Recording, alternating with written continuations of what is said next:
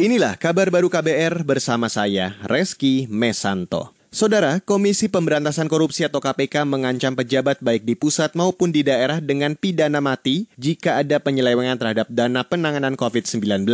Ketua KPK Firly Bahuri mengatakan KPK bahkan membuat satuan tugas untuk mengawasi anggaran penanganan COVID-19 itu. Kami juga membuat satu Satgas gabungan antara Deputi Penindakan dan Deputi Pencegahan dan merangka melakukan pencegahan supaya tidak terjadi korupsi dan sekaligus melakukan tindakan tegas terhadap penyimpangan anggaran korupsi. Kita tahu persis bahwa korupsi yang dilakukan dalam bencana tidak lepas ancaman hukumannya, pidananya adalah pidana mati. Ketua KPK Firly Bahuri mengatakan anggaran penanganan COVID-19 sangat besar hingga ratusan triliun dan berpotensi terjadinya tindak pidana korupsi. KPK juga telah memetakan anggaran dari APBN dan APBD terkait penanganan COVID-19 yang rawan terjadinya korupsi. Kita beralih ke kabar selanjutnya, Lembaga Ombudsman Republik Indonesia membuka posko pengaduan daring bagi masyarakat yang terdampak COVID-19.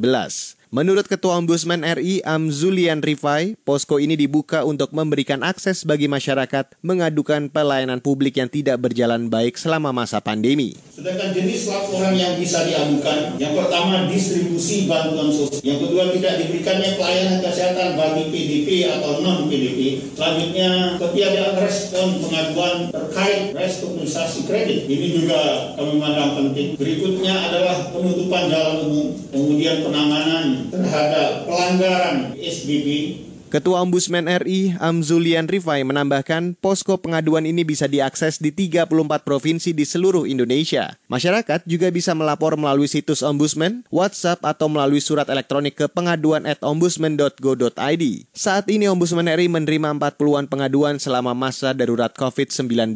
Sebagian besar pengaduan terkait permintaan keringanan kredit, pasien yang tak dilayani di rumah sakit, PHK hingga keringanan pembayaran SPP sekolah. Saudara, gugus tugas percepatan penanganan COVID-19 mencatat sebanyak 28 ribu orang terdaftar menjadi relawan menangani pandemi virus ini. Koordinator relawan gugus tugas Andre Rahadian menyatakan relawan itu akan bertugas secara medis dan non medis. Jadi sejak kita buka pendaftaran 4 minggu lalu uh, sudah per hari ini sudah ada 28.900 yang terdaftar itu 5.500 uh, relawan medis dan sisanya yang non medis seluruh seluruh Indonesia dari Sabang sampai Merauke. Yang terbanyak untuk non medis itu logistik dan administrasi umum.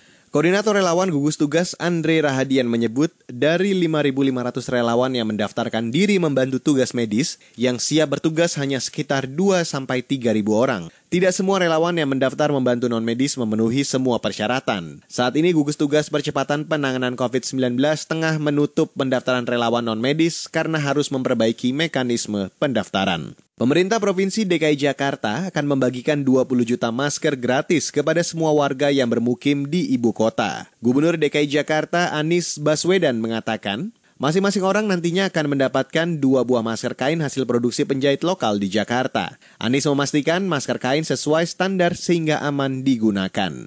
Nah, diproduksi 20 juta. 20 juta ini akan dibagikan kepada seluruh warga di Jakarta. Dan pembagiannya nanti melalui kelurahan, kemudian ke RW, RT, lalu nanti akan dibagikan ke setiap kepala keluarga yang ada di Jakarta. Gubernur DKI Jakarta Anies Baswedan menambahkan sekitar 1,5 juta masker yang tersedia akan didistribusikan terlebih dahulu. Sisanya akan segera dibagikan usai selesai produksi. Anies juga meminta warga Jakarta wajib menggunakan masker saat keluar rumah, sehingga bisa mencegah penularan COVID-19 di ibu kota. Itu dia kabar baru KBR bersama saya, Reski Mesanto.